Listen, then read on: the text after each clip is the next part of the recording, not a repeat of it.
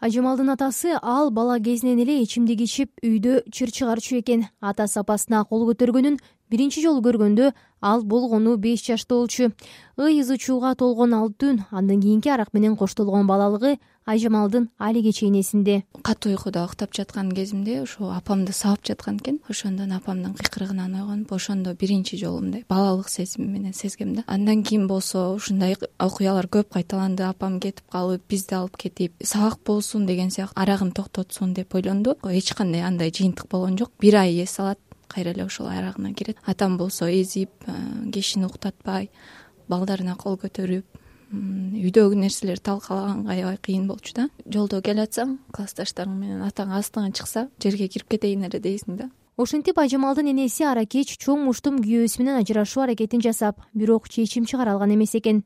Апам кеткен жок апам айтты «Э, силер кийин турмушка чыксаңар балам үйлөнсө апаң деген атаң таштап кеткен көчөгө таштап койгон деп айтат андан көрөкчү. Жаман болсо да атаңдын жанында туралы деп ошол боюнча эле азыр үйдө. Айжамал төрт бир туугандын кенжеси. Улуу эжелери үй бүлө курушкан. Жалал абаддагы ата энеси менен байкеси турат.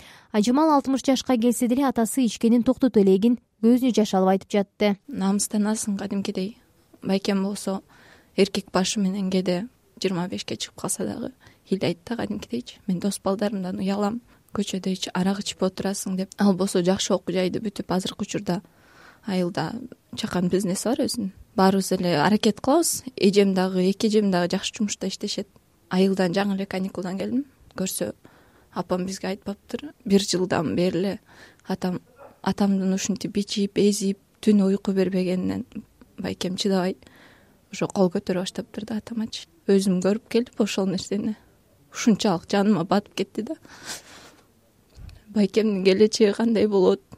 Ал да кийин ушинтип балдарынан кол көтөргөнүн көрүп калбайбы деп урушуп да айтып көрдүм ыйлап да жалдырап да көрдүк. Такыр болбойт да айжамал бир туугандары апасы менен атасынын ичкиликти таштатам деп алып барбаган жери бейтапканасы калган эмес. Эл оозунда айтылып жүргөн кодированиядан да майнап чыккан эмес.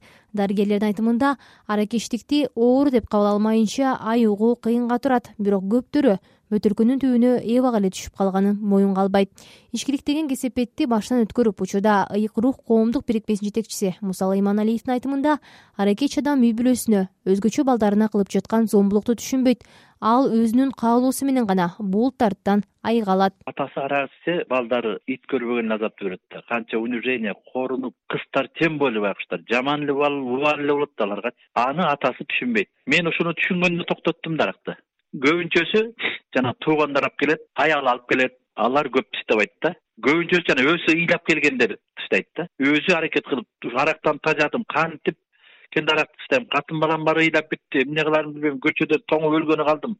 Өзүнүн жон терисин сезгенде гана анан кийин таштап атышат. Биздин каарман айжамал азаттык аркылуу ичкен адамдарга кайрылды. Ал аракеч адамдарды адегенде балдарын ойлоп аларды аяганга чакырды.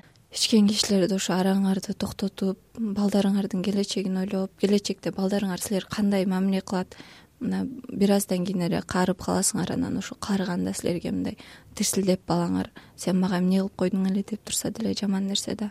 Жакшы нерсенин баарын эле апама каалап кээде ойлоп кетем эмнеге апама эле каалай берем атама каалабайм депчи. Көрсө ошо жүрөктүн баарын алып койгон экен да атамчы жаш кезинен бери. Кыргызстанда ичкиликке берилип каттоодо тургандардын жалпы саны отуз үч миң беш жүз алтымыштан ашуун. Айгерим акылбекова азаттык бишкек